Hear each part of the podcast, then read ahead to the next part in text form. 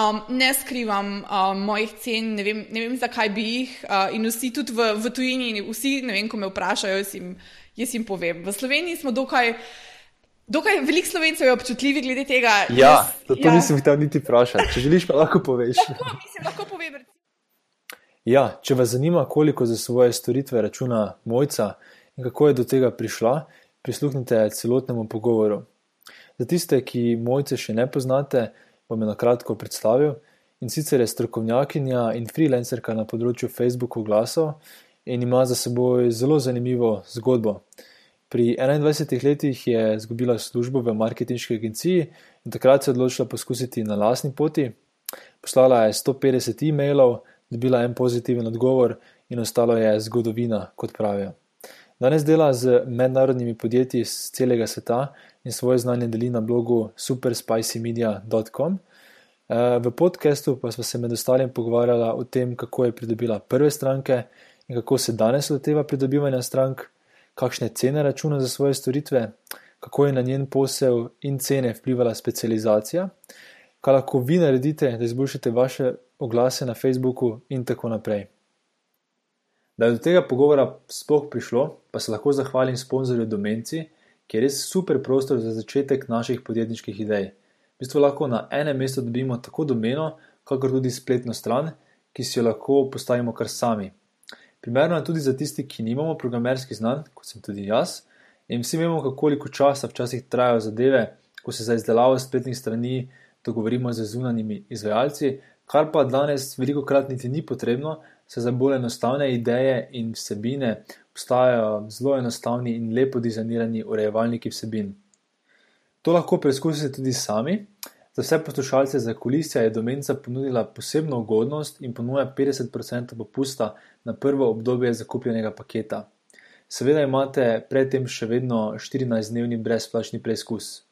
Za več informacij in popust pa obišite domenca.com pošiljnica za kulisije.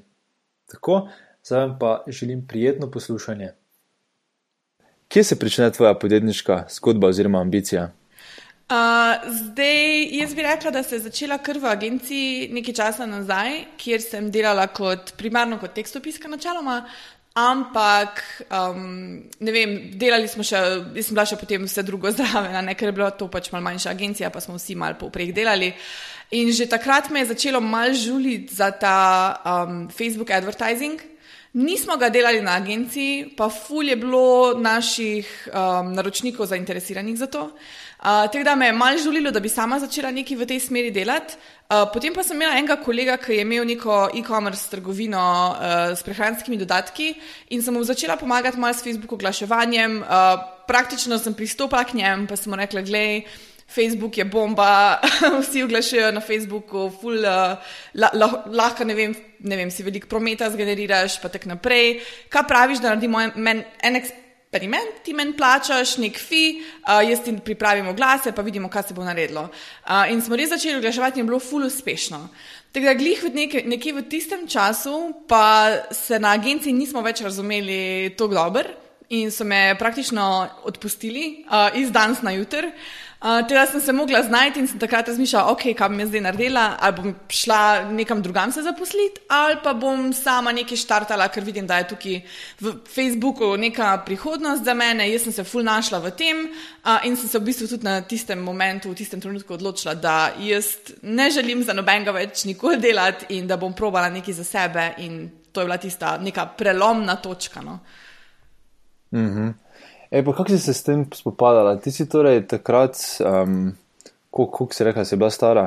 Mislim, da sem neki 21-22 let, nisem čisto. 21-22 let. ja.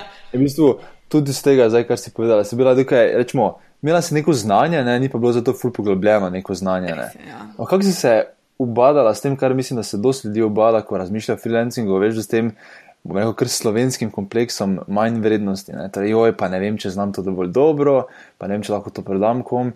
Uh, pa, pa še imaš več drugih ljudi v isti branži, ki pa so profesionalci, pa, pa mogoče gledajo na tebe malo bolj zviška. Kako si se vsem tem spopadala, da si sploh upala si to narediti? Po pravici povedano, jaz sem dobila veliko tega, kar si ti rekel, da so ljudje na mene gledali zviška. Dobivala sem, uh, ko sem začela s tem, ko sem začela biti tudi malo bolj prisotna na Twitterju, sem začela ful taka sovražna sporočila dobivati. okay. Ampak ja, in sem jih, am, ab, jaz sem jih kar ignorirala. Um, ne vem, to zdaj sicer ne bo nek nasvet, ki ga bi lahko vzel nekdo pa ga implementiral, ampak.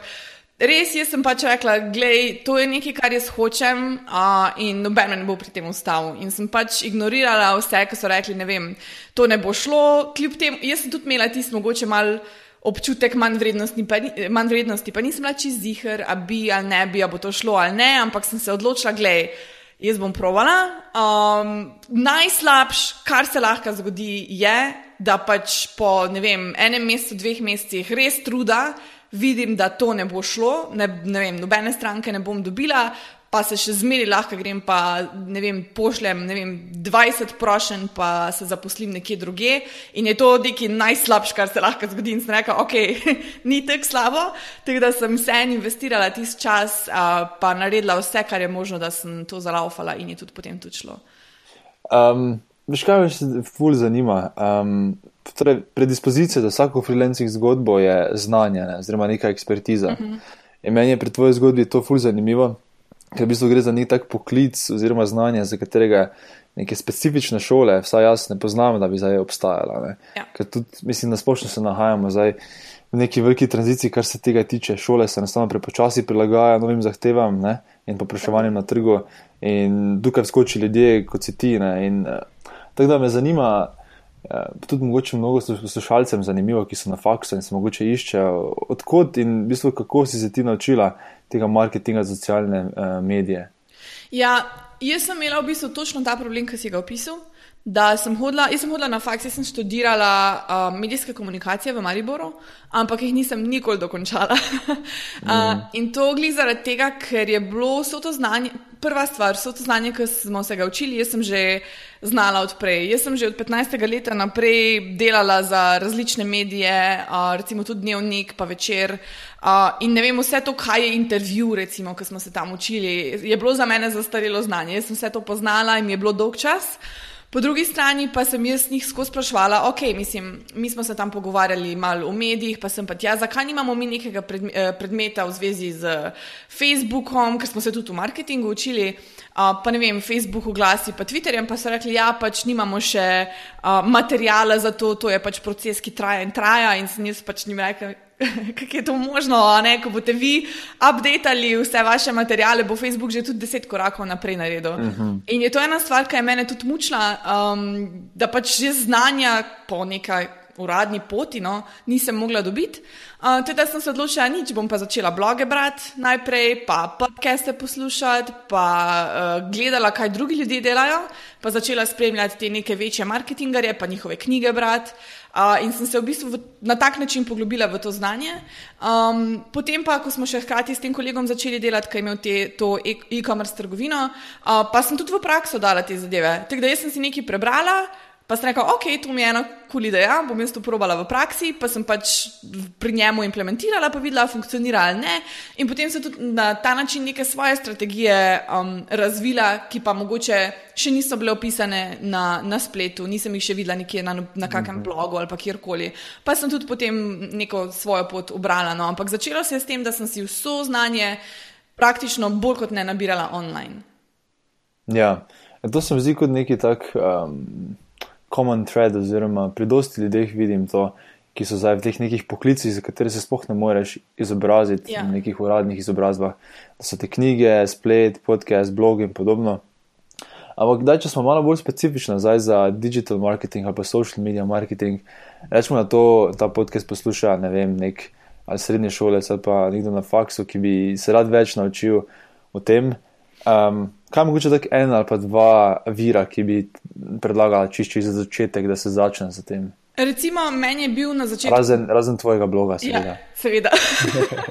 uh, meni je na začetku bil full všeč uh, buffer blog, torej blog.buffer.com, uh -huh. mislim, da ga imam tam hostanga.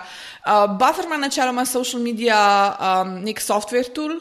Ampak, uh, ker pač valjda hočejo nekako s kontentom oni spromovirati um, vse, kar se dela v social medijih, imajo res ogromno materijala na to temo na svojem blogu in res pišejo full, full poglobljene blog poste in tam sem jaz začela.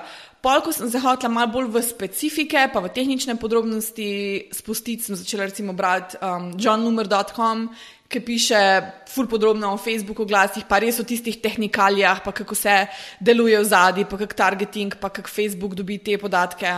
Um, takrat sem šla nekako bolj v te um, in-depth bloge, ampak predtem pa sem vse, vse, kar sem prebrala, je bilo res na bufferju. Um, tam sem se nekako največ, največ naučila.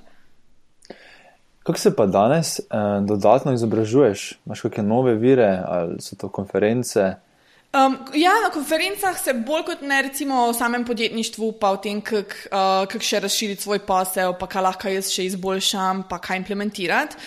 Um, Medtem ko o samem znanju za social media marketing, pa se um, najprej recimo spet John Numer z njegovim blogom, še zmeri ga spremljam, je top. Uh, Gli zaradi tega, ker gre res toliko v, tehnične, v, v tehnične podrobnosti, da uh, in točno to mene zanima in me tudi dela boljšo.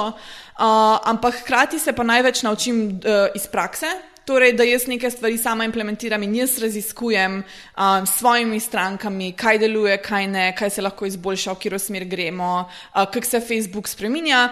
Uh, po drugi strani se pa tudi dost uh, s kolegi marketingarji pogovarjam. Torej, ne vem, skupaj imamo kak, um, ne vem, 30-minutni Skype call na mesec, kjer se mogoče dobimo, malo pomenimo, kaj te šlo fajn, kaj meni gre fajn, um, pa si potem malo izmenjamo izkušnje in vsak to implementira in tako naprej. Recimo, glih mislim, da prejšnji mesec, um, le, recimo, jaz, jaz se sicer specializiram za Facebook oglaševanje, LinkedIn oglaševanje, meni nikoli ni šlo, uh, ampak me je zanimalo, recimo, kaj se tam trenutno dela, pa kaj tam funkcionira, če mogoče lahko kaj na Facebooku ponudimo. In sem se dobila z enim uh, oglaševalcem, mislim, da on ima eno stranko, ki zapravi uradno tudi največ za oglase na, na LinkedInu.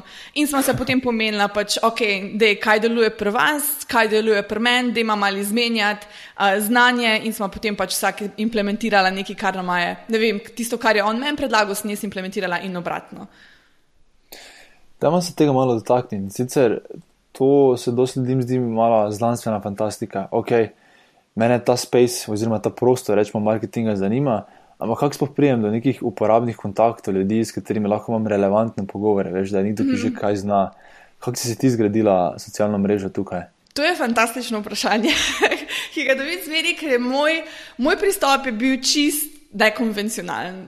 Um, jaz sem najprej se, um, ker sem začela, ne, nisem jaz sama vedela, kako k temu pristopiti. Ali bi, bi zdaj jaz, ne vem, ker cold emailala vse ljudi in rekla, hej, jaz sem tukaj, jaz se lahko pomenimo, ampak konec koncev sem vedela, ok, um, ne vem, v Sloveniji, ki je še dokaj mala, pa se vsi poznamo bolj kot ne med sabo, bi še mogoče to funkcioniralo.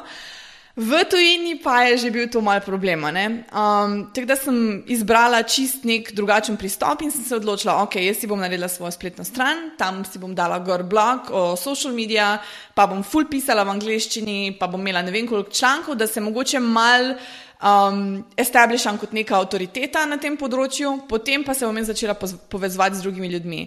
Uh, jaz sem bila na Twitterju dokaj prisotna in sem na neki točki v bistvu vso mojo komunikacijo iz slovenščine um, začela spreobračati v angliščino. Um, in sem pofolovala full velik nekih influencerjev uh, v tem nekem freelancingu oziroma podjetniškem um, uh, krogu, ki so ga imeli na Twitterju. Uh, in sem se začela z njimi tako engagati. Ne vem, včasih so neki tvitnali, pa sem jim replajala, pa sem napisala nek svoj odgovor ali pa neko svojo misel, kaj si jaz mislim o tem. Pol je mogoče imel kdo problem s kakim uh, Twitter profilom ali pa Facebook stranjo, pa sem ponudila pomoč, recimo s neka, ej, ti delaš to na robe. Potem je en spet nekaj druga napisal, pa sem spet nekaj odgovorila. Skratka, skozi sem, sko sem bila prisotna in recimo na neki točki uh, je ta Brennan Dunn, ki je, ne vem, v tem nekem našem krogu znan kot The Guy, uh, kateremu grejo vsi freelanceri, ko začnejo. Uh -huh. Mi je na neki, po, na neki točki me, mi je odgovoril nazaj. in na nek tweet in me je pofollowil in me je začel spremljati. In potem sem jaz še kar naprej um, objavljala bloge, tweetala full dost o social media, pa, pa svoje bloge, pa tako naprej. In na neki točki je on mene kontaktiral in rekel. Hej, um, jaz bi nucal neko Facebook pomoč, a se lahko slišimo. In takrat smo se mi dva slišala, uh, smo začela nekako malega tudi uh, sodelovati. Um, potem me je povabil na svojo konferenco um, v Virginiji in sem tam v bistvu prvič tudi um, govorila o social medijih, uh, in tam se je potem tudi vse začelo in sem začela tak, na tak način nekako širiti svoj krok ljudi. Ampak je res bilo to um, nek sistem, ki sem ga imela, da sem pač res se engageala z ljudmi iz tujine, ki so bili specializirani za neko področje in so bili znani v teh, v teh podjetniških krogih. Je ful dobro, res to prvič slišim za, za tak način. Ja. Ker kul. Cool. Um, Dajmo se še malo vrniti nazaj. Um, in sicer omenjala smo, mislim, pogovarjala smo se o znanju. In potem si rekla, da ja, nekaj sem se naučila, potem pa sem to mogla uporabiti na projektih. Uh mhm. -huh. In glih ta del, uh, veš, se mi zdi, da pri dosledih je tudi full težek, kje naj sploh dobim ta prvi projekt, oziroma kje naj to probam. In ti si rekla, z tega prijatelja imela. Ne? Ja, ampak jaz sem začela v Sloveniji. Um, ja, ja. Tako, ja. Uh, in, tako, a ja, on ga prijatelja v Sloveniji, misliš? Ja, tako, ja. tako, tako, ja. Kako je to izgledalo, kako je prišlo do tega?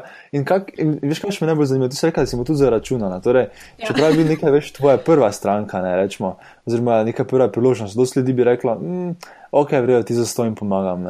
Ja. Torej, dve stvari me zanimajo, zakaj si spoh zaračunala in po drugi strani, kako si spoh um, ja, prodala, ja. rečemo. Za, tako, zaračunala sem, ker sem jaz imela neko znanje, ki ga on ni imel.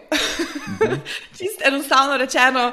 Um, strinjam, ja. Tako, ja, in, in on tega znanja, mislim, ali, ali ga lahko dobi, seveda ga lahko, ampak bo mogel v to investirati ogromno, ogromno časa, da gre on online in si prebere vse bloge, ki sem si jih jaz prebrala, uh, in da se nauči dizajnanja Facebook oglasov, tako sem se jaz naučila, kar pomeni, da se njemu pač enostavno ni splačalo in je raje investiral denar v mene, da sem jaz to naredila in mu v bistvu prinesla tisti promet tudi nazaj in je tudi zaslužil tisti uh, tist denar nazaj, ker pa se ga on sam učiti, pa, pa sam investirati tisti čas v branje blogov, pa dizajnanje, kot sem že preomenila.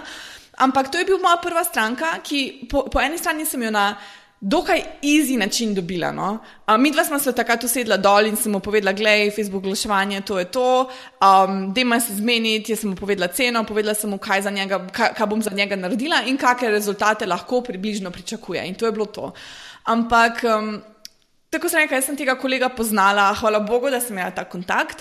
Um, Medtem ko potem drugih nekih znancev pa nisem imela, ki bi jim lahko pomagala na tak način. Noben ni imel nekega, neke e-commerce trgovine, nekega podjetja, kjer mu bi lahko jaz pomagala. In tudi po drugi strani se nisem. Imela sem mogoče par kolegov, ampak se nisem počutila dokaj ok, da bi jaz te veze na tak način izkoristila, da bi oni mene, zaradi tega, ker se pač poznamo, pritegnili v neko podjetje. Zato sem takrat, ko sem izgubila službo, um, nekako eh, smo tisti projekt tudi zaključili z enim kolegom, uh, ker je bilo to to. Um, in potem sem jaz pač rekla, ok, moram štartati spet iz nule. Uh, takrat pa sem začela jaz pošiljati te cold e-maile. Uh, in sem jih poslala na neki točki. Mislim, da sem glih zadnjič pripravljala uh, en talk za eno konferenco na švedskem in sem, in sem šla gledati, koliko e-mailov sem jaz dejansko poslala in je bilo 150. Okay. Uh, in mislim, da je bilo to tako v prvem tednu, dveh, um, da sem poslala 150 e-mailov različnim podjetjem, uh, kjer sem se jaz predstavljala kot ne vem, neka punca, ki se spozna na social medije, ki, uh, ki ve, kaj funkcionira na social medijih, kaj ne, in sem ji tudi ponudila svoje storitve. Da, takrat pa se je potem tisto, ta pravo delo začelo iz tistih 150 e-mailov, ki sem jih poslala. Se spomniš, mogoče, kaj si napisala v ta e-mail, bolj specifično, oziroma kaj Kaj bi danes mogoče naredila drugače? Vse. Okay. um, takrat sem v bistvu ah, čist hard cell, je bil, um, nič ni bilo nekega kolovratenja.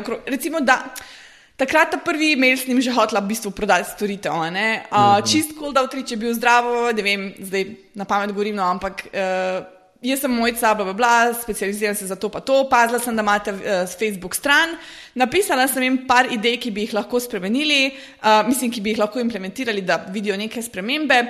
Lah, potem sem pa napisala, lahko tudi to jaz za vas naredim, pa sem poslala tudi mojo ponudbo in je bilo tudi to. Danes bi jaz to naredila malo drugače, ampak in, in bi najprej poskušala, namesto da jim poskušam v prvem koraku prodati neko storitev, oni me sploh ne poznajo, ne vejo, kdo sem, uh, niso vedeli na tisti točki, res, če, sem, če, če jaz vem, kdo sem, pa kaj delam. Um, Ampak jaz bi danes temu pristopila čist drugače in bi poskušala nek, eh, nek odnos, nek relationship zgraditi, namesto tega, da jim prodam. Torej, rajši bi namesto tega, da jim že v prvem e-mailu pošljem ponudbo, bi skočila z njimi na nek ne vem, 15 minut do 30 minut call, kjer bi se mi pogovorili o njihovem podjetju, uh, da mi malo povejo, kaj se dogaja z njihovo Facebook stranjo, na splošno z njihovih social, uh, social media akonti, kaj jih muči, da jaz slišim to od njih in bi jim potem šele mogoče neko ponudbo uh, predstavila. Tako da danes bi to čist, čist drugam zapeljala. Ampak takrat, že takrat tisti pristop, bom rekla, je funkcioniral na nek način. Sicer od 150 e-mailov um, sem dobila samo pet odgovorov, tri odgovori so bili ne, dva odgovora pa sta bila potem ja.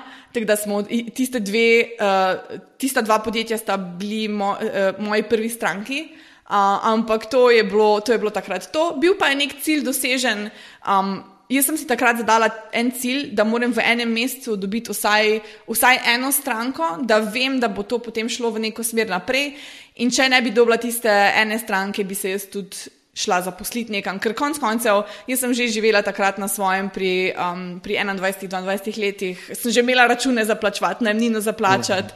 Uh, in sem rekla, da mora to funkcionirati. In če ne bi tisto dobila, uh, potem, potem bi jaz se tu šla nekam zaposliti. No. Ampak to se mi zdi ful dober um, na svetu, oziroma nek, neka strategija, da prvo v bistvu gradiš ta odnos na mesto, da takoj probaš prodati. Ja. Tu je toliko večji konverzija. Mislim, tudi v, v 15. epizodi, ko se pogovarja z Tomažem Švajgerjem iz doktrine, tudi rekel, da oni potrebujejo po pet um, sestankov, včasih, da sploh naredijo delne, oziroma da prodajo, ker je stano treba spoznati stranko, kot videti probleme. In bolj, ko imaš kompleksen uh, produkt, več, več časa rabiš. Ne. Tako da, če te nekdo ne pozna, je ful težko to. Tako je. Ampak ti imaš zdaj en. Aha, ne, ne, kar povem. Jaz sem hodila mogoče dodati, da to še zdaj. Tak način jaz zdaj prakticiram, torej res se mhm. poskušam s človekom, s podjetjem spoznati, preden se mi začnemo pogovarjati o tem, kaj bi jaz lahko njim nudila. In tudi rada povem zgodbo, kjer sem dobila enega, eno fantastično, res high value stranko, šele po pol leta. Zdaj nismo imeli pol leta vsak teden sestanke, ampak. Na, naj odnos se je začel graditi šest mesecev prej, a, in šest mesecev prej smo se začeli pogovarjati, in potem nekako smo ostali v stikih. Jaz sem jim vsake tok časa poslala e-mail, kaj se kaj dogaja, in po pol leta sem jaz njih um, konc koncev osvojila. Ampak uh, to, je, to je proces, sploh če se gre za neko storitev, kot jih recimo imam zdaj, ki so res um, mal dražje od ne vem, nekega pričakovanega budžeta, ki ga, ima, ki ga ima podjetje. In to je proces, ki traja, ampak na koncu važno, da se splača. Točno to sem te vprašal, torej, kako danes dela tvoj ta proces. Ne? In zdaj imaš in spletno stran, in Facebook stran, in podobne zadeve. In me zanima, kako to povežeš v neki grajenje tega, tega nosa in potem konvertiranje v stranko. Pa če se te, ne vem, če konkretne stranke dotaknemo, veš, kje si sploh prišla v stik z njimi? Um, zdaj, ta stranka, sem spet z njimi stopila v stik preko, preko Twitterja, ampak to je bilo že ful dolgo časa nazaj. Potem smo se pa v živo spoznali na, uh, na konferenci, um, potem smo se pa takrat začeli pogovarjati, da bi nekaj skupaj delali, pa smo potem prek e-maila ostali v stiku. Vsake tok časa sem jaz rekla, da je skočiti na kak 15-minutni kol, pa se bomo tam pomenili, pa s njim sam tak mogoče par idej dala, kar lahko oni implementirajo in so implementirali, videli so, da funkcionira. In sem to parkrat naredila in so potem rekli, ok, gledaj, zdaj pa res nimamo več časa, mi se s tem sami ukvarjati, dajmo, dajmo se zmeniti, pa smo potem tudi začeli v bistvu na tistem projektu skupaj delati. Um, danes moram reči, imam. Veliko srečo, ki ni sreča, ampak sem v to vložila veliko truda, uh, da stranke uh, k meni pridejo same, Um, hvala Bogu, mi ni treba več pisati kod e-mailov, uh, mi ni treba več uh, sedeti računalni, uh, za računalnikom, pa po ure in ure uh, pisati te e-maile, pa odgovarjati na tiste e-maile, pa tako naprej. Ampak pridejo k meni same, ampak vseeno, jaz, kljub temu, da pridejo same, jaz ne skočim na prvi kol, pa rečem, hej, plači mi, pa začnemo, začnemo delati, ampak jih najprej spoznam, imamo prvi tist kol, kjer se pač pomenimo o njihovem podjetju na splošno, uh, s čim se oni ukvarjajo, jaz jih vprašam na ne vem, tono vprašanj, uh, kako poteka njihovo delo, s čim se ukvarjajo, potem se poglobimo v social medije, kaj, kaj tam oni počnejo. Uh, zmeraj jih vprašam, kje je tisti nek največji problem, ki ga imajo najprej v social medijih, pa ga želijo, oziroma Facebook ads. Uh, in ga želijo rešiti, in jih najbolj muči, potem pa tudi na splošno v podjetju. In ponovadi se ne vem, izkaže, da je to nekako povezano med sabo, mi povežemo to, jaz jim predstavim neko strategijo, se pomenimo, če je to, nekaj, um, če je to neka vizija, ki jih želijo slediti, in tako naprej. In potem čez čas uh, jim tudi predstavim storitve, uh, ki jih jaz ponujam, in se odločimo, ali je to nek, nekak fit za njih ali ne. Uh, tudi svoje stranke, hvala Bogu, no, sem na sem na tej točki, da si jih lahko izbiram, kar pomeni, da ne bom vsakemu podjetju rekla ja. Uh, neka podjetja, ne vem, vidim, da bo funkcioniralo, vidim, da smo dober fit, vidim, da, uh, da bomo lepo komunicirali, medtem ko drugi mogoče ne in si svojega življenja ne želim na tak način komplicirati, ampak vseeno res za vsako podjetje pa si vzamem čas, da ga čist preučim, pa vidim, če je to to, pa če bomo nadaljevali ali ne. No, to glede tega preučevanja me zanima in sicer. Jaz vem, da imaš ti tudi na spletni strani, veš, ta e-mail, um, e-mail listo um, in potem verjetno pač buildaš tudi iz tega ene lide. Zdaj, po drugi strani pa se pogovarjamo o tem reach outu. Veš, koliko kolik je tega reach outanja, oziroma koliko zdaj ti dejansko greš pa iščeš te stranke, si si rekel, da že te, oni tudi do tebe prihajajo. Ja. A prihajajo večinoma iz tega e-mail uh, funnela, ki ga imaš, ali je še vedno. Ja, zdaj, uh, jaz, kar poskušam zadnje čase delati, je, um, sploh, ne, sploh ne poznam slovenskega izraza za to, ampak nekje sem enkrat slišala od nekega podjetnika, ki smo se pogovarjali in je rekel, da moraš biti, če želiš doseči tisti um, res uspeh, da te ljudje poznajo, pa da pridejo oni k tebi, moraš biti omnipresent, kar pomeni, da moraš biti povsod. Um, na Facebooku, e-mail lista, blog moraš pisati, podcasti in tako naprej. In jaz sem že nekaj časa nazaj, um, mislim, da ene, ne vem, tri leta, štiri leta nazaj sem začela biti um, na dosti podcastih. Um, v, tako sem rekla, mislim, da je to le prvi slovenski podcast, ki ga delam. Ne vem, če sem bila kdaj gostja na slovenskem podkastu.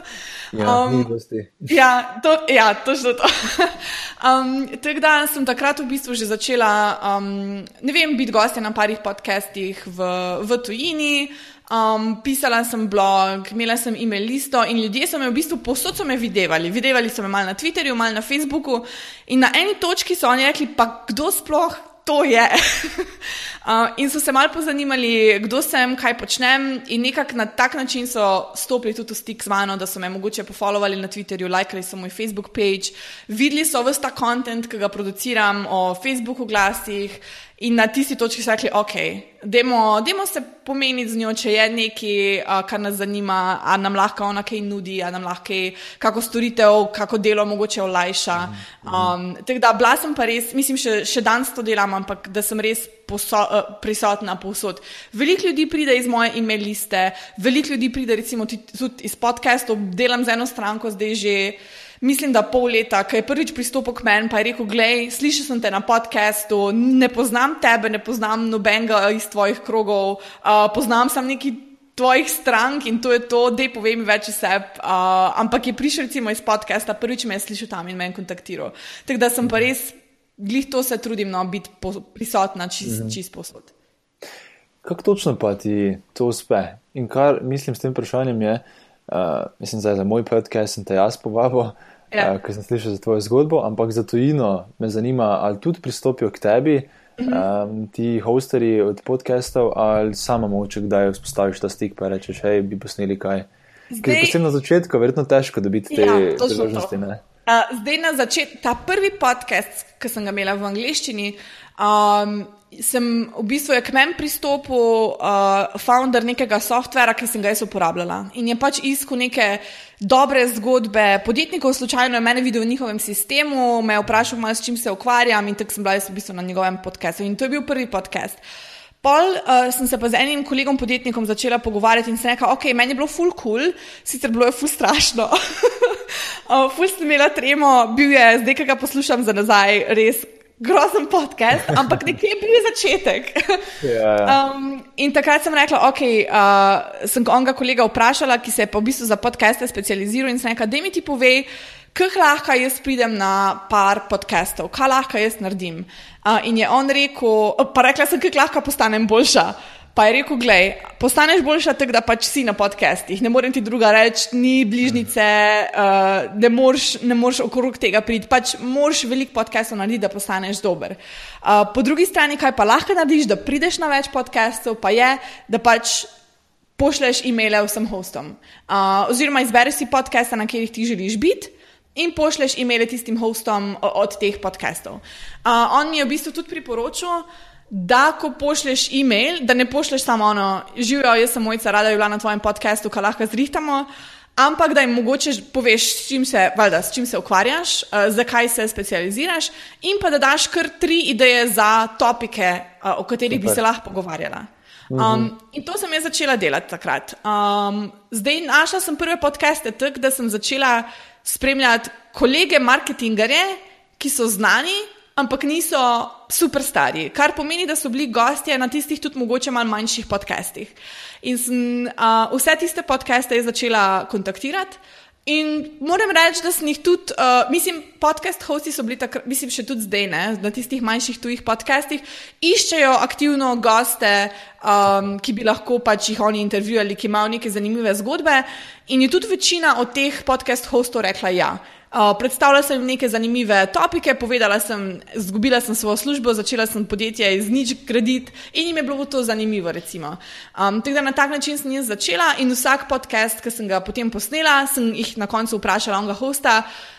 Zihar imaš ene tri kolege, ki tudi iščejo neke podobne goste, kot sem jaz, a me mogoče lahko priporočaš, jaz pa bom v zameno za to priporočala ene tri moje kolege, ki pa imajo tudi neke podobne zgodbe in bi jih lahko intervjuvali. In tako smo si potem izmenjali kontakt in je to začelo rast.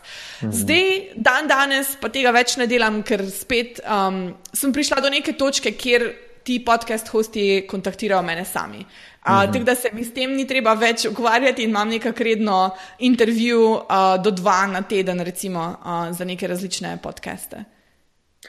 Dosti smo se pogovarjali zdaj o tej tujini, pa ja, da imaš stranke iz tujine. Na začetku si bila pač bolj v Sloveniji, valjda, ker je lažje začeti, ker imaš socialno mrežo tu, potem pa si počasi začela to širiti. In um, če te prav razumem, si tudi rekla, da je bila zavestna ta odločitev. Ne? Tako. Ja. Torej, zakaj, zakaj tujina? Um, to je, všeč mi je, da je slovenski podcast in da govorimo o tem.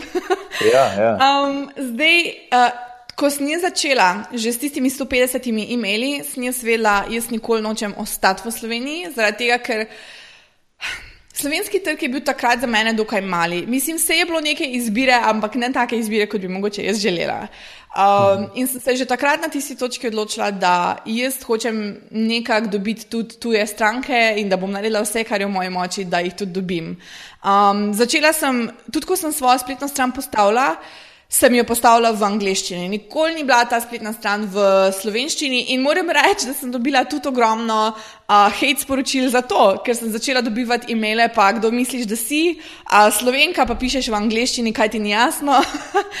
Ampak sem enostavno spet ignorirala, ker sem imela nek, nek cilj, um, ki sem ga hotela doseči in je bilo to to. Uh, tako da od takrat naprej pa res je vse, je vse preteklost in, in je, hvala Bogu, mi to pomagalo. Tudi, da sem recimo e-maile sem skozi pisala v angleščini. Tako sem rekla, odločila sem se pa za to, glede zaradi tega. Slovenski trg mi je bil takrat um, dokaj mali in sem želela delati s tistimi večjimi podjetji, ki sem jih jaz skozi uh, gledala na internetu, pa spremljala, pa sem rekla, kura, ej, to so neka fantastična podjetja in sem imela skozi ta cilj, da želim z njimi delati in k sreči me je tudi potem to um, pripeljalo do tega. No.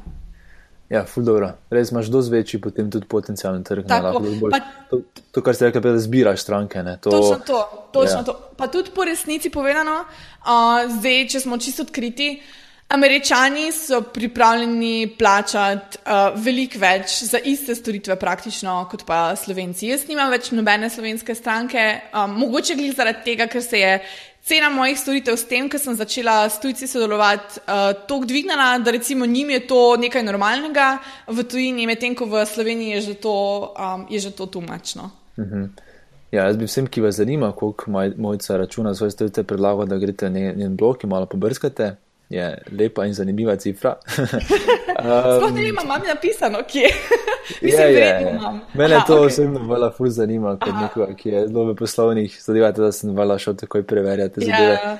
Um, ampak ja, um, čas... načeloma moram reči, tudi dokaj odkrita sem, um, ne skrivam um, mojih cen, ne vem, ne vem zakaj bi jih. Uh, in vsi tudi v, v tujini, vsi, ne vem, ko me vprašajo, jaz jim, jaz jim povem. V Sloveniji smo dokaj.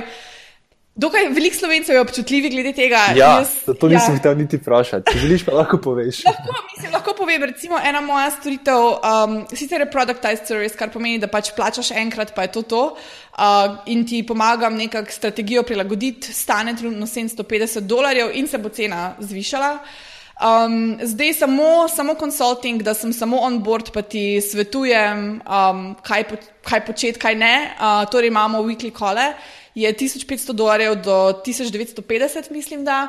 Uh, tisto, da jaz pa že delam um, vem, aktivno na tvojih Facebook advertising kampanjah, pa je od 2350 dolarjev naprej. Da pa recimo Facebook advertising kampanje in Facebook um, page organiziram, pa je od 5000 dolarjev naprej. Tako da tu so nekje te cene, v katerih se gibljamo. Jaz sem, tako sem rekla, dokaj odkrita glede tega na angliških podcastih, nikoli Super. še nisem bila na slovenskem, bom videla, kak bo feedback. No? Me je to zanimivo, je res fulvero, no, da se tako konkretno pogovarjamo in transparentno. Ja. Tega mislim, da je ful manjka tu, ker potem ljudje vidijo, da okay, te stvari so možne. Ne? Upam, ja. da bo ta, ta attitude oziroma odnos ljudi in bo rekli, ok, mogoče pa lahko tudi jaz probam. Tako, Ampak, veš, kaj me zanima, v bistvu, to je zdaj tvoj, rečemo, middle point, pa rečemo, ni definitivno end point, ne? ampak potem se ljudje začnejo primerjati z svojim začetkom, z tvojo sredino ali pa koncem. Ampak mhm. zanima, kako se je tvoja cena razvijala skozi čas, veš, ker tudi ti verjetno, mislim, seveda nisi mogel začeti s takimi cenami, veš. Ja. Zdaj, kako sploh prije do tega, da dviguješ cene, kje začneš, kak ta občutek razviti za ceno, da se ne prodaš prepoceni, kar je, mislim, da kar težava za veliko ljudi. Ja. Zdaj, jaz sem tudi dosta odkrita, kar se tiče mojih začetnih cen, ker so bile zelo, zelo nizke. In če bi eno stvar danes podala, je, da ne računate tako nizko. jaz sem začela, ko sem štartala, sem računala nekje od 80 do 150 evrov na mesec. To je bilo to. Uh, okay. ja, to res, res zelo, zelo nizko. To, da sem dobila, tako sem rekla, račune sem imela za plačati. Hvala Bogu je moj fant oziroma moj mož takrat imel službo in je nekako imela sva neki denar, da smo rekla, ko, ko sem izgubila svojo službo, da smo rekla, ok.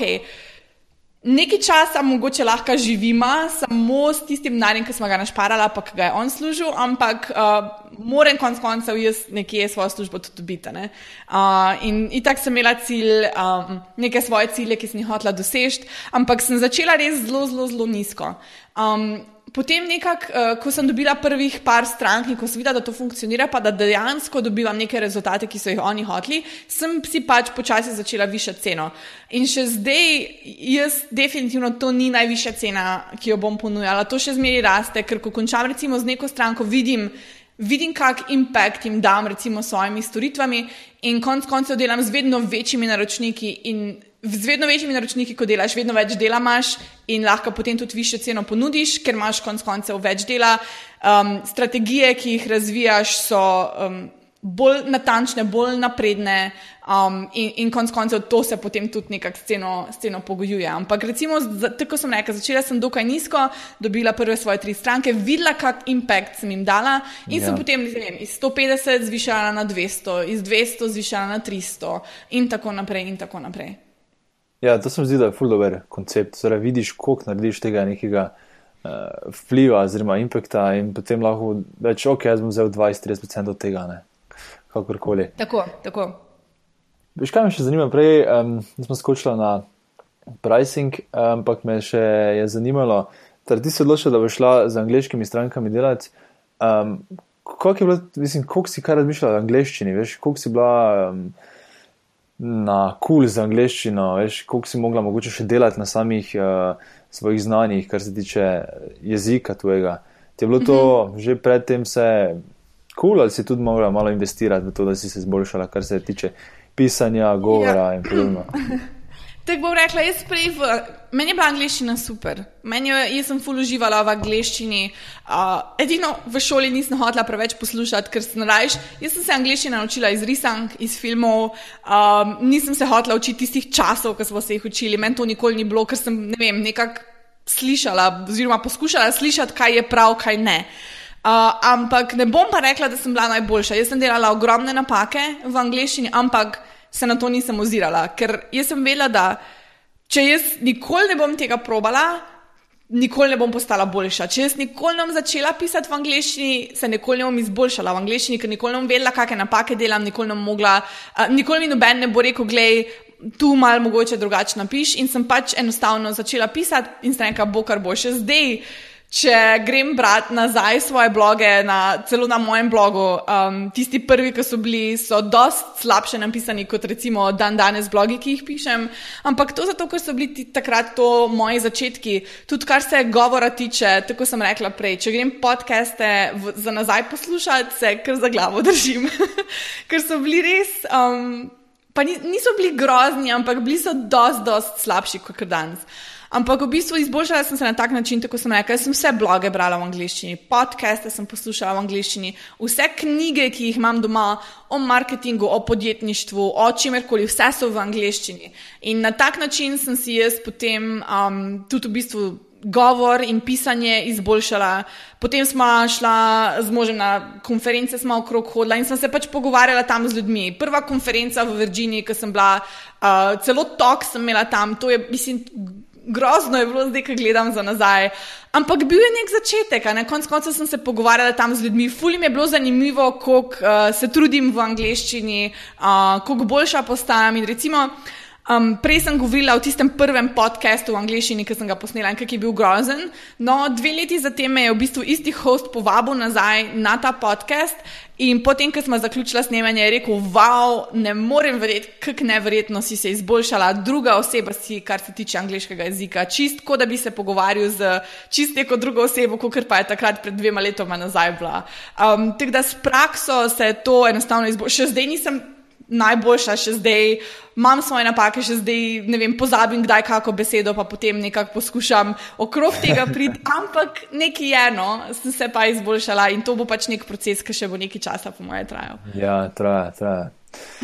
Jaz zdaj dve leti delam že v angliško govorečem prostoru, in, ja. mislim, pač v nemško govorečem prostoru, ampak pisarna je angliška in uh, tudi vidiš, sama praksa zelo, zelo pomaga. Jaz sem tudi opazil, da če si znotraj dneva, veš, če si zjutraj mi, mi še full cool gre, pa, pa ko sem utrujen, pa si mi več ne da artikulirati, zvečer si pač gre vse dol. Ja. In je to enostavno nek. Uh, Več z prakse, po mojem, dobiš potem tudi ja. to. Um. Jaz, pa, jaz sem pa glih obratno, jaz pa zjutraj ne morem pa začeti. Ja, okay. jaz sem imela na zadnji, mislim, na zadnji, mogoče bi ne vem, ne, par mesecev nazaj sem imela en podcast, pa ne vem, bil je ne vem, kje je živel tip, sicer je bil američan, ampak je nekje čist druge živel in ponovadi imamo podcaste in tako popoldan.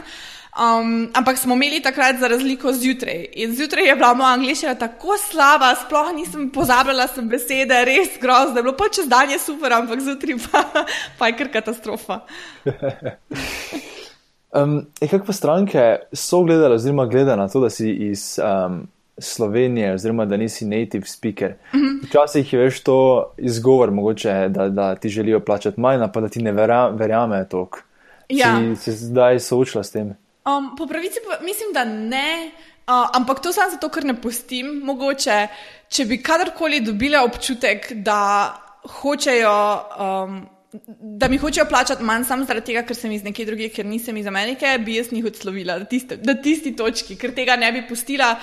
Ampak uh, po pravici povedano, jaz mislim, da bo ful večji del to, da nisem jaz um, native speaker, da ne prihajam iz US in se en želim, zahtevam tako ceno in se en želim delati z njimi. Uh, ampak po pravici, le, tak, ugotovila sem, da če imaš znanje, za katerega ti govoriš, da ga imaš, recimo v, v mojem primeru so to Facebook oglasi. Torej, če imam jaz znanje za Facebook oglase, če, če obvladam Facebook oglase, če vem, kako uh, kampanjo zgraditi z nič, kako pripeljati stranke od uh, Facebook oglasa do nekega končnega nakupa, moj uh, dejstvo, da prihajam iz Slovenije, ni problem. Nikoli ni bil problem. Uh, tudi zdaj stranke, ki jih imam, um, sploh se nismo uživo še niti videli, vejo, iz kje prihajam, ampak jih čist nič, res ne briga, vse enim je, sam da jim jaz neke rezultate pokažem, za katere govorim, da, jim, da jih lahko tudi uh, prenesem njim. Super, to je res lepo slišati in verjetno zelo spodbudno za vse poslušalce, ki razmišljajo o tem. Ja, mi um, mislimo, vsaj to, jaz sem tudi, ko sem štartala, sem mislila, da bo to da bo to velik del, da bojo vsi rekli, pa kaj je mm. zdaj nek, tukaj le iz neke države, za katero še sploh slišali nismo. Pride pa poskuša prodati, pa poskuša prodati nekaj, ampak res um, ne vem, če imam kako res tako zelo, da bi imela slabo izkušnjo. Uh, če pa je že bila, pa sem jih res nekako po hitrem postopku tudi odslovila, ker ne, vem, ne bi dopuščala tega. No. Ja, to je lepota freelance, sam zbiraš ja, stranke. Tako. Um, Pred pogovorom, oziroma pred podcastom, smo se pogovarjali tudi o tem, da si se pred kratkim začela bolj um, fokusirati na Facebook. Uh mhm. -huh. In dajmo najprej narediti taki segway med tem poslovnim delom in socialnimi mediji. In kot prvo vprašanje me zanima, kako je to, da si se odločila bolj torej, nišno usmeriti, vplivalo na sam posel? Uh, zelo, zelo pozitivno. um, jaz sem prej, tako smo se prej pogovarjali, jaz sem prej bila nek tak. Um, social media strategist, oziroma delala sem social media development, strategy development in general. Torej, če si prišel k meni in rekel, da imam probleme s social media, jaz želim uh, biti bolj prisoten na, naši, eh, na, na družabnih omrežjih, uh, sem ti jaz razvila celo strategijo od Twitterja do Facebooka, povedala sem ti, uh, kera omrežja so boljši fit za to, kaj delaš uh, in tako naprej. Potem pa sem v bistvu vedno bolj začela prihajati stranke, ker sem delala tudi Facebook oglase hkrati s tem. Sem pa vedno več dobivala stranke, ki so rekli, ok, ampak mi nočemo več Twitterja, nočemo nič, mi hočemo Facebook oglase. Uh, potem sem pa v bistvu začela delati z um, enim uh, dost velikim podjetjem um, ConvertKit uh, iz USA, ki so pa tudi prišli k meni specifično za Facebook advertising. Uh, začeli smo uh, razvijati njihovo strategijo, bilo je super, šlo nam je super. In takrat sem še potem dobila še eno stranko, ki je rekla samo Facebook advertising. In takrat sem si rekla, hm, kaj pa če jaz opustim vse ostalo uh, in ne poskušam se učiti hkrati, pa dopolnjevati svoje znanje za Twitter, Instagram, Facebook, uh, Pinterest, LinkedIn, ne vem kaj vse. Um, ampak se res fokusiram samo na Facebook adse In je to to. In res postanem najboljša v tem in začnem razvijati super strategije, in je to moj fokus. In takrat je bila to točka, ko sem rekla, ok, kdorkoli bo zdaj prišel, pa rekel, jaz želim neki Facebook page, pa neki Twitter, a le, žal ne gre, lahko ti priporočam enega svojega kolega, ki to dela, ampak če pa nucaš pomoč za Facebook glase, sem pa, sem pa jaz, je pa to to, ne, pa lahko prideš k meni. Um, in s tem, ko sem se začela fokusirati, se je tudi razvedlo, da se jaz specializiram za Facebook oglase in kadarkoli ima kdo problem specifično s Facebook oglasi, pride k meni. Torej ni ono, aha, Twitter, rr, mogoče ona, mogoče še sto ostalih, ampak ker sem jaz res specifično za Facebook oglase, um, imam toliko potem tudi več popraševanja, uh, prav specifično v zvezi s tem. Ja, ne, to je po moje ena, preko. Um napaka, ki je dosti ljudi dela, ne? da na začetku se preveč široko usmeriš, ampak potem glih ta del, da ljudje, da ljudje sploh ne vejo, zakaj naj k tebi pridejo, ne? se zgodi. Je pa po drugi strani triki, ko začenjaš, mogoče ti sam ne veš točno, kaj ja. bi se rad zniširal. Da ja. moraš najti res ti dober, neki vmesen člen, ko lahko rečeš, ok, social media, pa bomo potem videli, kaj mi paše. Ja, ker isto jaz sem na začetku.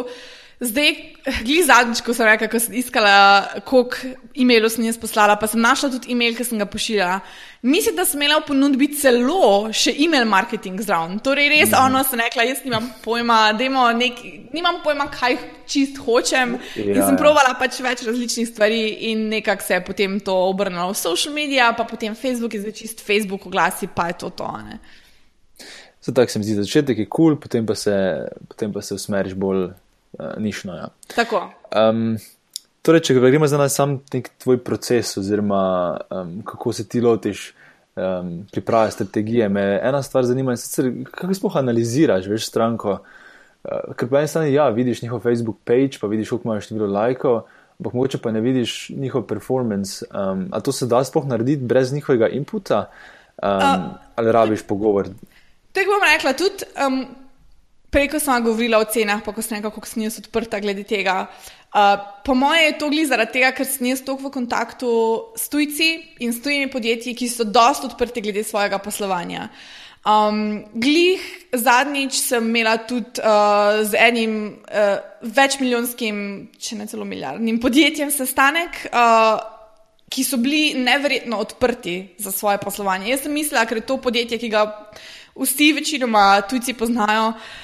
Sem mislila, da bo dosti zadržani, ampak sem se, mi smo skočili na, na klic in se rekla, ok, ne vem, koliko prodaj delate vi prek Facebooka. To so oni vse povedali. Uh, mm. Potem se nekaj mi lahko pošljete screenshote od svojih Facebook kampanj, da vidim, kako performajo, kaj se da izboljšati, ni problema. So poslali screenshote, dali so me v kontakt s tistim, ki trenutno dela na Facebooku glasih.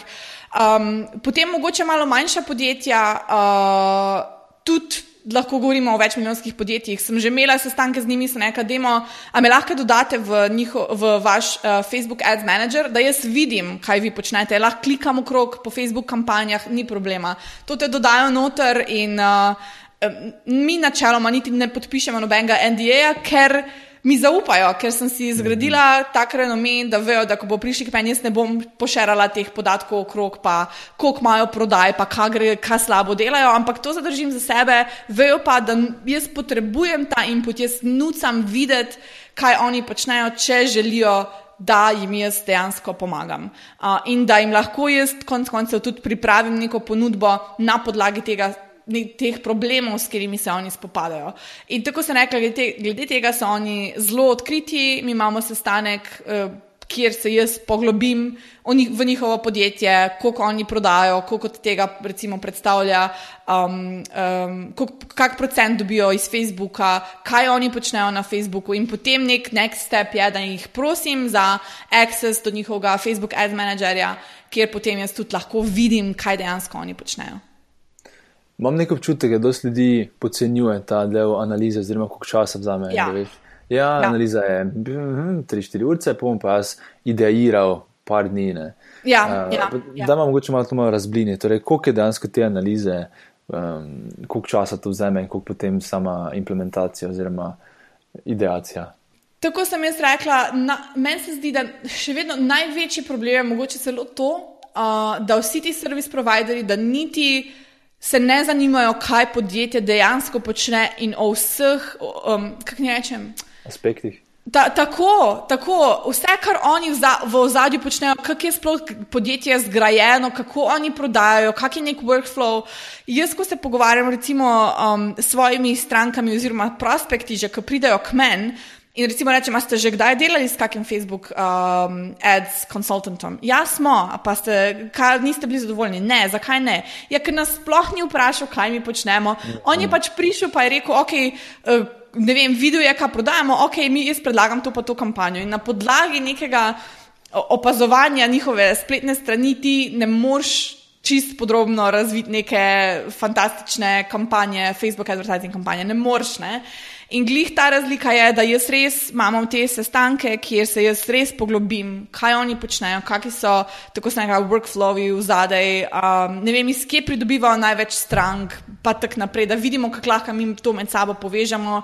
Jaz se potem usedem dol, si ne vem, načečkam na list papirja, ne vem, par funnelov in predstavim to v e-mailu, imamo mogoče še kak sestanek, uh, me dodajo v Facebook Ads Manager, vidim, kaj oni počnejo, še tam dodam nekaj uh, idej in tako naprej. Uh, tako da to je definitivno, če, če res želiš osvojiti nekega klienta, je v to mhm. noter vloženega ogromno, ogromno dela. Pa ne samo osvojiti klienta, ampak če želiš dejansko producirati dobro delo za njih in tudi ne samo osvojiti, ampak obdržati tistega klienta za dolgo, dolgo časa. Ja. To je res, res pomemben na svet. Tudi, uh, naprimer, mi na IDEO, ko smo prodajali projekte, res Tu včasih po par mesecev gre v samo razumevanje stranke, pa v tipanje, pa v vprašanje Tako. o poslovnih modelih, pa kdo je na vaši strani, pa katera, s kom ste prej delali, kaj vam je bilo všeč. Da bi se sploh dojameš vse te male detajle zadaj. Po drugi strani pa, tudi če bi ti bil v tej situaciji, bi hotel, če že plačaš to gnara, da imaš nekoga, ki te res razume. Ne? Ja, Najhujše je, ko potem nekomu, nekdo ti ne hoče nekaj prodati, pa v bistvu želiš, da bi te nekaj vprašal, pa te tistega ni vprašal. In jaz se tudi, tako si rekel, zmeri se poskušam postaviti v njihovo kožo. Ne? Oni bo konec koncev, ko in če se odločimo za sodelovanje, ne bo to mali budžet, ki bo šel nasprotno. Ker recimo cene, o katerih smo se pogovarjali, je samo so samo moje storitve. Brez, sploh nismo prišli še do denarja, ki ga oni investirajo potem v oglaševanje. Ko govorimo o več tisočih, deset tisočih dolarjev na mesec. Um, in to, to niso, konec koncev, kljub temu, ne, ne glede na to, o kakih podjetjih govorimo, to ni mali denar za nekaj, da bi pač ti kar stran vrgel. Uh. In jaz, se, ko se jaz v njihovo kožo predstavljam, seveda hočejo oni vedeti, kaj bom jaz počela, in seveda hočejo, da jih vprašam o stvari v njihovem podjetju in da poznam vse, kaj se z njimi dogaja in kakšne procese imajo v ozadju in tako naprej. Ker če ne bi, mislim, jaz si take cene, kot jo imam, ne morem, eh, ne morem, uh, ne morem jim predstaviti take cene, brez da jaz -hmm. njihovo podjetje poznam res v podrobnosti. To je tudi ena prednost teh večjih cen, da dejansko potem imaš čas, da greš v te detajle in Tako. potem še boljše stvari lahko ponudiš. Tako, točno to. Um, škaj, torej, jaz verjamem, da imaš ti res ogromno znanja glede Facebooka. E, ampak taj ima mogoče res vzeti tak en, če si predstavljaš, da bi, da imaš pred sabo, da si spet na začetku z vsem tem znanjem, pa da si pripravljen na nekomu, ki ima neko čisto simpel idejo, nima velikega budžeta ali pa neko podjetje, ki že ima nek produkt, pa tudi nima budžeta, ampak bi pa rad od tebe slišal nek na svet, kaj tak neki mini-win, ki ga lahko dosežeš uh, z samimi Facebook-eri, kaj je ena stvar, ki bi lahko implementirali, da bi izboljšali performance uh, ja. na Facebooku. Točno vem, če bo govorila. okay. Zaradi tega, ker um, ljudje na, v povezavi s Facebook oglaševanjem delajo res eno veliko, veliko napako. In to sploh vidim vse pri tujcih, tudi ampak sploh pri slovencih.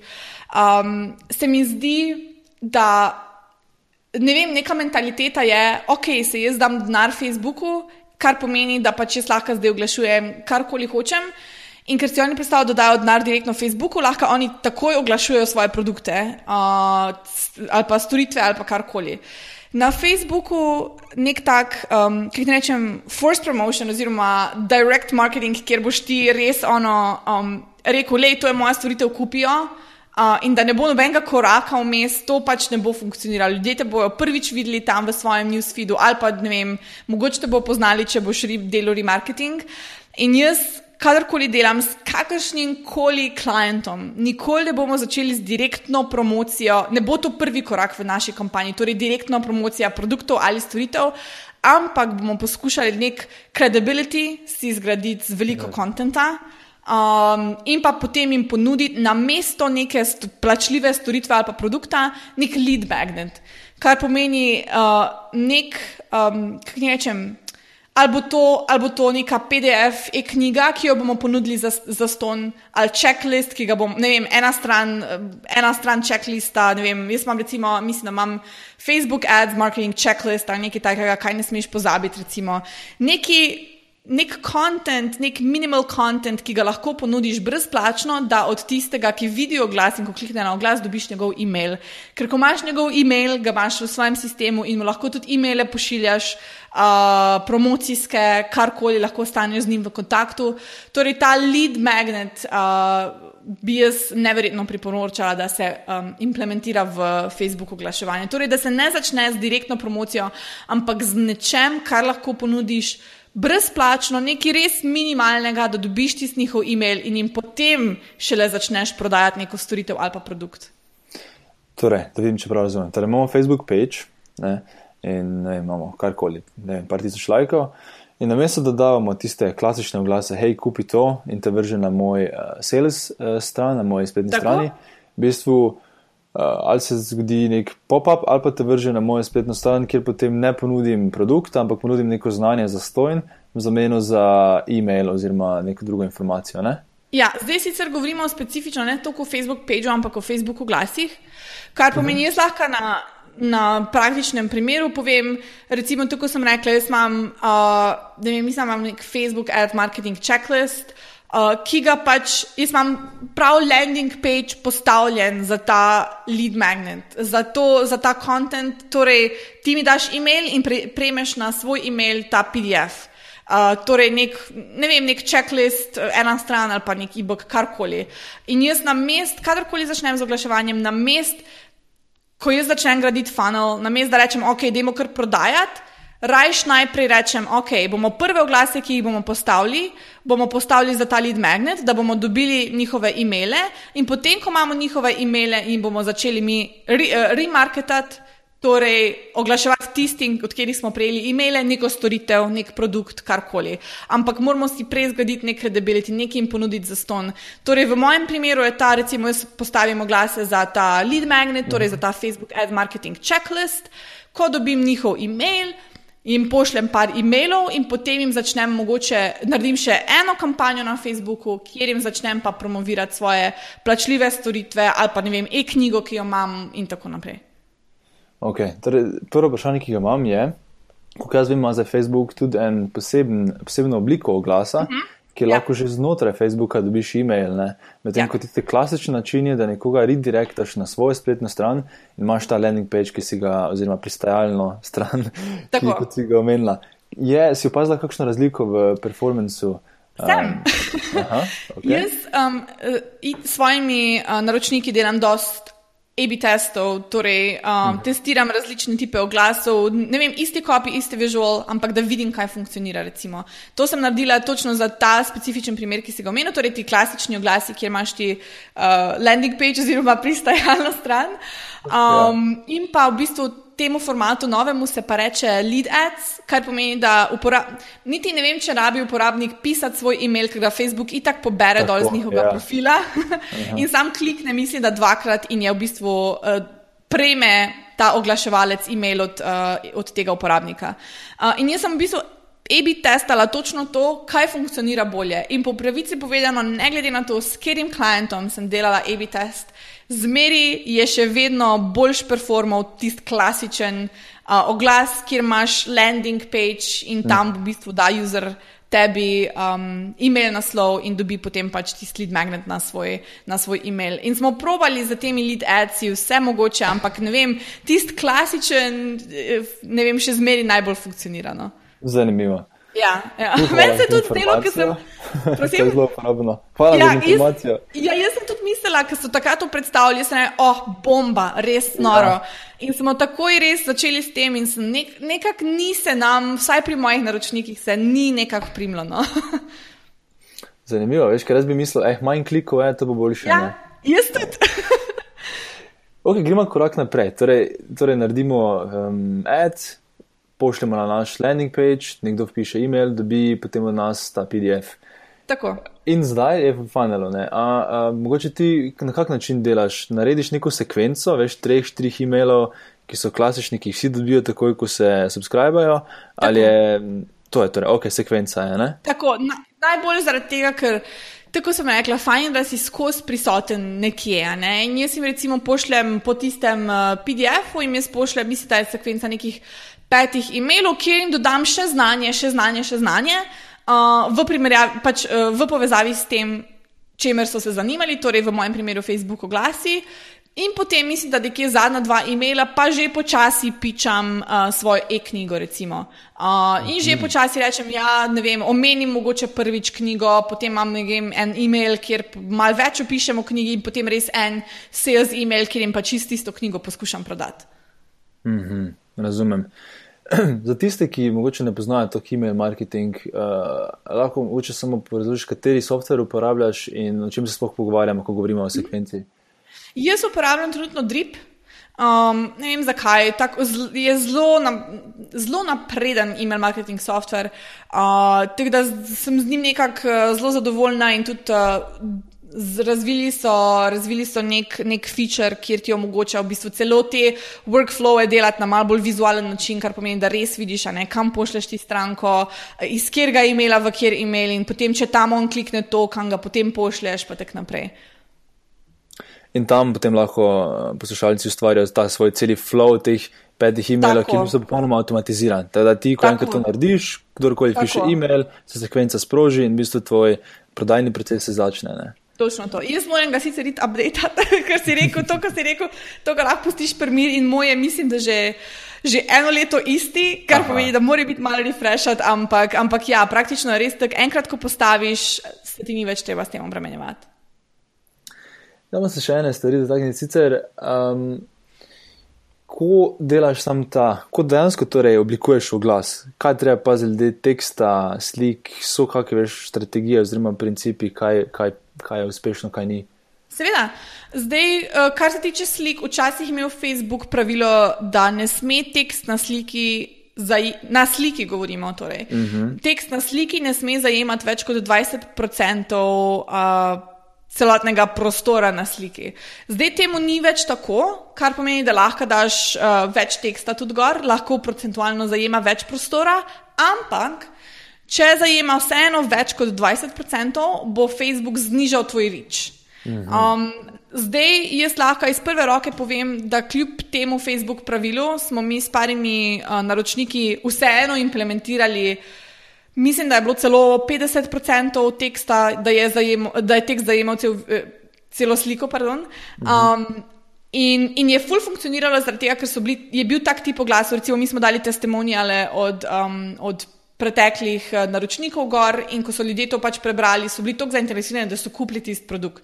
Torej, kljub temu, da smo dosegli veliko manj ljudi, so, je velika večina tistih ljudi, ki jih je ta oglas dosegel, vseeno kupila, kar pomeni, da je bilo za nas zelo efektivno. Ampak treba se zavedati, da pač spet, tako sem omenila, če, boš, če bo tekst zajemal več kot 20% slike, bo Facebook malo znižal rič. Um, s tem se je vredno vseeno malo poigrati. Kar se pa tiče recimo kopija, um, mhm. torej kako rečem, teksta na ja. Facebooku, ja. glasu. Ja. Um, pa je tako najbolj funkcionira, sploh ko smo govorili o teh lead magnetih uh, ali pa kakršnem koli kontentu.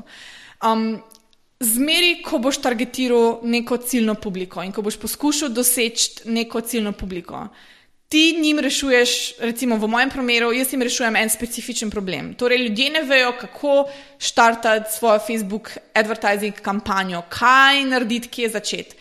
In jaz, ko poznam te njihove bolečine in te njihove probleme, bom jaz v bistvu to uporabljala in bom še nekako, ne rečem, malo bolj poskušala na to rano pritisniti s svojim tekstom. Kar pomeni, da bom poskušala recimo napisati nekaj v smislu. Um, ne vem, a ne veš, kje štartati svojo Facebook, uh, Facebook kampanjo, ali si poskušal že vse mogoče stvari, od tega do onega, do tretjega, pa nikoli nisi mogel doseči tistih rezultatov, ki si jih hotel. Ponudjam ti to pa ta checklist, ki ti bo, ne vem, uh, naučil se boš to pa to pa to in rešil točno ta problema. Ne? Kar pomeni, da pritisnem na rano, Hkrati pa jim ponudim nek, um, neko zdravilo za to, torej neko protibolečinsko zdravilo, le lahko pa rešiš vse te probleme, če si davno daš ta checklist. In recimo ta princip, kjer ti pač najprej opišeš pain, uh, potem pa ponudiš nek medicine, tako jaz rečem, mm -hmm. uh, ta nekako najbolj funkcionira pri kakršnem koli tipu oglasov. Ok, fully uporabno. Ja. Cool. Ej, kaj pa se tiče um, ciljne publike? Mm -hmm. Če nimaš mislim, ajde, v vsakem primeru veš približno, kdo je tvoja ciljna publika, ampak jaz sem s tem dosta težav, veš, da definiram, koga točno. Jo, pa sem bil preveč specifičen, sem premalo specifičen. Ful mi je vedno težko ugotoviti, kaj je pravi eh, nivo teh eh, za ciljno publiko. Uh mhm. -huh. Če imaš nekega začetnika, ne, kaj bi mu predlagala kot prvi korak, kaj, naj, kaj je najbolj simpel, bulletproof način, da, da targetiraš oglas? Najbolj simpel, oziroma najbolj pomembno, preden se začne s Facebook oglaševanjem, je, skratka, da malo backupam. Zraven vsakega Facebook uh, advertising accounta, torej Facebook oglaševalskega računa, pride Facebook Pixel. In ta Facebook Pixel lahko ti implementiraš na svojo um, spletno stran. In kadarkoli bo nek obiskovalec prišel na tvojo spletno stran, ga bo ta pixel tagu oziroma označil in ga lahko ti targetaš oziroma ciljaš potem na Facebooku. Torej, ne, ne vem, nekdo bo prišel na superspecimedia.com, krtek, ne vem, slišal bo od nekoga, pa bo prišel na mojo spletno stran in potem, ko bo šel nazaj na Facebook, ga jaz lahko remarketam, tako se temu reče, uh, in bo videl ta, moj oglas na Facebooku, zaradi tega, ker sem ga označila in rekla Facebooku praktično vsak, ki obišče mojo spletno stran, mu pokaže ta oglas. In to, ta Facebook Pixel je prva stvar, ki jo je treba implementirati, ko začneš z oglaševanjem. Zato, kljub temu, da mogoče ne boš kampanje štartil tisti moment, ampak to, da ima Facebook možnost um, zgenerirati nekaj informacij in dobiti par userjev, ki jih lahko potem ti retargetiraš na, na Facebooku. Tako da to je prva, stran, prva stvar in to je tudi publika ki je najbolj odzivna na tvoje Facebook oglase. Karkoli se oglašuje, to je publika, ki bo zmeri, ne vem, najmanj, najnižji cost per click bo, najmanj boš plačal za to publiko, zaradi tega, ker te poznajo, ker vejo, kdo si in se bo najbolj odzvali na kakršne koli oglase. Evo, zdaj si že omenila malo denar, pa da ima se tem nekako zaključiti ta celi segment. Sicer glede samega vložka, torej koliko je treba vložiti, da sploh vidiš kakšne rezultate. Torej, če niš, ajde, rečemo, valjda več, ko vložiš, Tako boš je. verjetno, ampak um, če imaš neko omejen budžet, ali ima smisel se igrati tudi, ne vem, za 50 do 100 evri, ali je to či, čist premalo, da dobiš neke relevantne rezultate. Za 50 do 100 evri se lahko zelo veliko doseže s pravimi strategijami. Glih to je ta lepota Facebook oglaševanja. Ker prej, ko smo imeli, mi, um, ko ni bilo Facebooka, recimo, pa smo imeli mi tisti tradicionalni marketing, mm -hmm. pa smo imeli jumbo plakate, pa TV oglase. In, in so, bila, so bile to cene, ki si jih mali podjetnik ni mogel privoščiti. Uh, Facebook je pa čisto nasprotje tega. Ne glede na to, kak je tvoj budžet, če ni glih to, ne vem, en evro na dan, um, ne glede na to, ka, o kakem budžetu govorimo, ali je to 50 evrov, ali je to 100 evrov, ali je to 1000 evrov, ali 10 tisoč, ali kakorkoli, zmeri boš imel nekaj, kar boš lahko s tem denarjem dosegel. Um, že s 50 evri lahko dobiš par email naslovov, ki jim potem lahko prodajaš nekaj, 100 evri isto. Uh, tako da um, ni tukaj neke, tako sem rekla, zdaj z enim evrom na dan boš težko kaj dosegel, s petim evrom na dan že malo več, 10 evrov pa je že zelo, zelo dober začetek. Ja, ne biti um, presenečeni poslušalci, če boste videli kakšne oglase uh, za kulise, mogoče na Facebooku, um, po tej oddaji, mogoče sem tudi sam probal. Čeprav še nimam produkta, ampak me zanima, kako to deluje.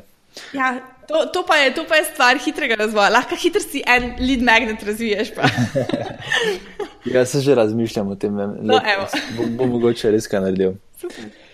Ej, pa dajma uh, zaključiti z še parimi vprašanji in bolj um, tako nasplošno okrog podjetništva. In sicer me zanima, um, po tvojem mnenju, za koga misliš, da je primeren uh, freelancing? Um, za tiste, ki vejo, da freelancing, pa recimo delo od doma, ne, da to ne pomeni, da boš zdaj lenaru, ampak da je vseeno vloženega veliko dela v to. Um, men, men, jaz ne bi nikoli nikol več šla delati za nekoga, ker obožujem to svobodo delanja od doma. Tako smo se prej pogovarjali, prej smo začeli snemati oba gremo zdaj v fitness. Ja. Jutro je, jaz zjutraj ne začnem delati, jaz začnem delati okrog dveh, enih dveh popoldan, recimo, uh, ko se američani počasi začnejo prebujati. In zjutraj imam jaz čas brati knjige, iti v fitness, ne vem, pospraviti karkoli, da so te prati, recimo, konc koncev. Uh, in glih ta, ta svoboda je nekaj, kar jaz nikoli ne bi menjala. In za take, za take ljudi, ki želijo imeti svobodo v svojem delu uh, in ki si ni, ne želijo neke Recimo, ko sem bila jaz prej zaposlena, si imel nek uh, nečem top cilj, ki ga lahko dosežeš, ampak prek tega ni šlo. Freelancing je pač čisto obrat, do nekega lahko še napreduješ, še napreduješ, konstantno napreduješ in temu nekako ni konca.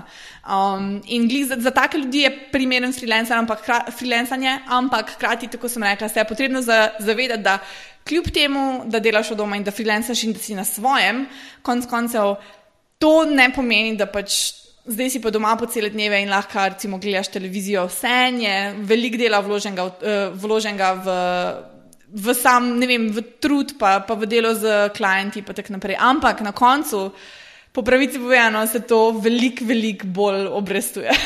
Mm, ja, ja. Ker dejansko si plačan na učinek, ne? v službi si plačan za čas, tu si pa dejansko na Tako. učinek. Ne? Točno to. In jaz, recimo, ne vem, to mi je spet všeč pri moji svobodi dela. Um, ne vem, ko grem kdaj potovati, jaz tudi klientom povem, ne vem, ali pa recimo, ko grem na kakšno konferenco, jaz jim povem, za minimalen čas, jaz bom prisotna samo dve uri na dan, bom na računalniku, pa jim je to ok. Nič, nič nima oproti, če jaz na koncu meseca vsem prinesem tiste rezultate, -huh. uh, ki jih je treba. Nisem plačana manj, vsem sem plačana enako, ker oni na koncu dobijo dobre rezultate ven. In to, in to je glih ta lepota freelancanja. To je fur zanimivo, to pa nisem še pomislil. Torej, glede počitnic, torej, ko greš na počitnice, ne vem, si lahko sploh privoščiš 14 dni počitnic. Uh, po pravici, tako bom rekla, jaz bi si lahko, uh, ampak ne čist brez računalnika. Mm -hmm. Vse nek, uh, neko minimalno delo moram opraviti. Um, Facebook oglasi, to nikoli ne počiva, ne glede mm -hmm. na to, kaj je. Facebook je zmeri gor, ljudje bodo zmeri na Facebooku, kar pomeni, da zdaj uh, čist na počitnice ne morem iti. Uh, sem počasi v procesu zaposlovanja, kar pomeni, da bom da bom najela neko pomoč ljudi, ki mi bo pomagali vse to handlati, vse kliente, vse kampanje, ampak vseeno imam rada pregled nad vsem, kar se dogaja, da jaz točno vem, a vse poteka kot, kot je treba in za tisto pač mora biti nek minimalen input. Ampak tako, lej, če gremo vseeno potovati za 14 dni, ja. pa če to pomeni, da bom dve uri na dan prisotna na računalniku, meni je to še zmeri super. Uživam ja, ja. v svojem delu. Zdaj se ti prav predstavljam, veš, v, na plaži, na tistih lepih sedežih za računalnikom, veš, tako kot ja. vsak sanja o tem. Eh, ja, to, to sem jaz. Ja, ja. to sem jaz, ja. Um, cool. Veš, kaj tam še vprašam, nekaj, o čemer sem v drugih intervjujih videl, da že imaš močno mnenje. Sicer, um, a je podjetniška žilica prirojena? Kaj je tvoje mnenje? Jaz bi rekla, da ne. Um, zaradi tega, ker sicer moja mama je bila samostojna podjetnica, ampak nič, o čemer bi zdaj rekla, da ne vem, da smo imeli doma ful neko podjetniško izobraževanje, nič. Ona je pač, ona je bila računovodja, imela je SP, delala je za, delala je za klienta in to je bilo to. Um, definitivno sem od nje lahko videla iz prve roke, kako naporno zna to biti. Um, ampak vse to, vse, vse to podjetništvo se je pa že od, od njega časa tako spremenilo, da ni nekaj, kar bi lahko, da vem, jaz se od nje naučila ali pa da bi se rodila s tem, ker se konstantno spremenja, ampak sem se tega naučila sama z opazovanjem. Uh, prej, ko sem študirala, ko sem hodila v, v gimnazijo in tako naprej, jaz sem zmeri za sebe videla, da bom pač se ustalila v neki službi kot novinarka, takrat sem še imela cilje biti novinarka uh, in, je, in bo to to. Nisem si pričakovala sama sebe kot neko podjetnico, pa sem pa svojega fanta oziroma svojega moža spoznala. Um, on pa je se nekako v teh start-up vodah gibal in sem začela malo to opazovati, in sem potem videla, ok, kul, cool, in sem sama začela malo eksperimentirati z različnimi podjetniškimi prijemi. Tako da jaz ne bi rekla, da je to prirojeno, in jaz mislim, da se tega lahko čist vsak nauči z opazovanjem ljudi, vid kaj drugi ljudje počnejo, pa sam malo probaš, pa vidiš, da funkcionira za tebe ali ne. Uh, in uh, tako da jaz mislim, da ima čist vsak priložnost, če se lepo trudi se popolnoma strinjam. In namen tega podcasta je glih to, da lahko skozi te pogovore tudi opazuješ, oziroma slišiš sam proces od začetka do, do konca, kako so ljudje šli skozi to. Um, ampak naslednje vprašanje, torej, če ni prirejena, je, rečemo, da imaš zdaj nekoga, ki, ki bi rad začel, mogoče nek, nek freelancer. Kakšno se bi dala? Kaj je mogoče res taki prvi korak, ki ga lahko naredi, da, da bi začel s to kariero? Um, Jaz bi rekla, da začne slediti uh, tistim ljudem, ki jih on občuduje in ki, že, nečem, ki želi postati kot so oni sami. Torej, vem, recimo v mojem primeru je bil velik vzornik, mi je bil recimo Gary Vaynerchuk, ampak on je res živina v tem svetu. Ja, uh, ja. On je bil recimo en tak, potem tudi konec koncev ta Brennan Dunn, ki sem ga omenila, je bil fantastičen podjetnik. Uh, sem rekla, recimo, če bi jaz imela enkrat tak biznis, ko ga ima on, bi bilo super. Uh, in še ene par drugih influencerjev in sem jim posledila in sem začela spremljati, kaj oni počnejo, kako se oni obnašajo kako oni prodajajo. Potem, ko sem se z njimi osebno povezala, sem jih začela spraševati o njihovih procesih in tako naprej, in se od njih take stvari učila. Uh, kljub temu, da mogoče nimajo ljudje um, trenutno direktnega dostopa do takih ljudi, se vseeno lahko dosta naučiš. Že samo, če jih poslediš na Twitterju, spremljaš, kaj oni delajo. Um, veliko ljudi ima Facebook profile, ki objavljajo redno videe uh, o njihovih procesih, o delu, ki ga upravljajo. Uh, in, in tako sem rekla, že iz teh stvari se lahko ogromno, ogromno naučiš. In točno to je, kar bi jaz uh, predlagala, da se pač te ljudi posledi in se iz prve roke pač vidiš, kako oni reagirajo, kako oni operirajo uh, in je to to. Ravno teden, dva nazaj sem se pogovarjal s prijateljem o tistem uh, eh, fulznanem kvotu, um, da si poprečje petih ljudi, s katerimi se največ tako. družiš. Ja. In v bistvu včasih je bilo tako, da si se moral s temi ljudmi res fizično družiti in se pogovarjati z njimi. Danes pa imamo vse te podcaste, vloge, bloge, uh, in podobno. Ne? Dejansko lahko se okupiraš, oziroma se lahko obdaš za to vsebino na tak način, da oni postanejo te, teh tvojih pet. Točno to. Jaz sem recimo zdaj na, na Facebooku, sem v zadnjem času um, dodala ene ene par podjetnikov, ki jih je bilo meni načeloma priporočenih, mi se osebno ne poznamo, oni meni ne poznajo, ampak jaz spremljam jih konstantno na Facebooku, dodala sem jih, ker imaš Facebook ima en ta feature, da lahko njihove update vidiš na vrhu. In z njim so vse te dodatke, mislim, kadarkoli zdaj pridem na Facebook, vidim update teh podjetnikov, pa njihove videe, pa vse karkoli oni delajo, vidim jaz na vrhu svojega Facebook, uh, Facebook uh, newsfeeda. Um, kar pomeni, da zjutraj odprem, vidim, kaj oni počnejo in se konstantno učim. Ja. In to je ena taka, taka lepota današnjega sveta, tako si rekel, ni treba jih uživo poznati, ampak že to nekako, da si mogoče blizu prek Facebooka, pa spremljaš, kaj oni počnejo, dost velik pomeni in dost velik ti da. Ej, najlepša hvala, mojca, to je bilo res, res, res kul. Cool. Res fulov intervju, hvala ti za vse. Ja, hvala lepa. Vprašanje za, za poslušalce, oziroma tudi za tebe priložnost, mislim, kje te lahko najdejo sploh na spletu. Ja, uh, jaz imam spletno stran, ki trenutno uh, se bo, upam, da kmalo osvežila. uh, najde se jo na superspicemedia.com. Uh, potem na Twitterju sem tudi dosti prisotna uh, pod Mojca Mars. Um, ja, in uh, imam še en super, uh, super um, kurs, oziroma free email kurs uh, na temo Facebook oglaševanja, ki se ga pa lahko najde na superspicemedia.com/slash fbads. Uh, in uh, tam boste prišli v e-mail sekvenco naprej, pa boste videli, kako se to funkcionira. ja, in lahko tudi analizirate mojcino sekvenco. Tako, tako. Ej, hvala še enkrat, res je bilo super. Hvala lepa. Tako, to je vse v današnji epizodi. Če ti podcast za kulise všeč, te vabim, da se prijaviš na mailing listu na zakulisi.com, da boš obveščen ob objavi naslednje epizode. A ja, pa hvala vsem, ki ste oddali ocene in komentarje na iTunesu. Za tiste, ki pa še tega niste naredili, vas vabim, da mi tako pomagate razširiti besedo o tem projektu, saj z vsako ceno in komentarjem iTunes boljše nagira podcast in ga potem lahko odkriješ več ljudi. Hvala še enkrat in se slišimo v kratkem.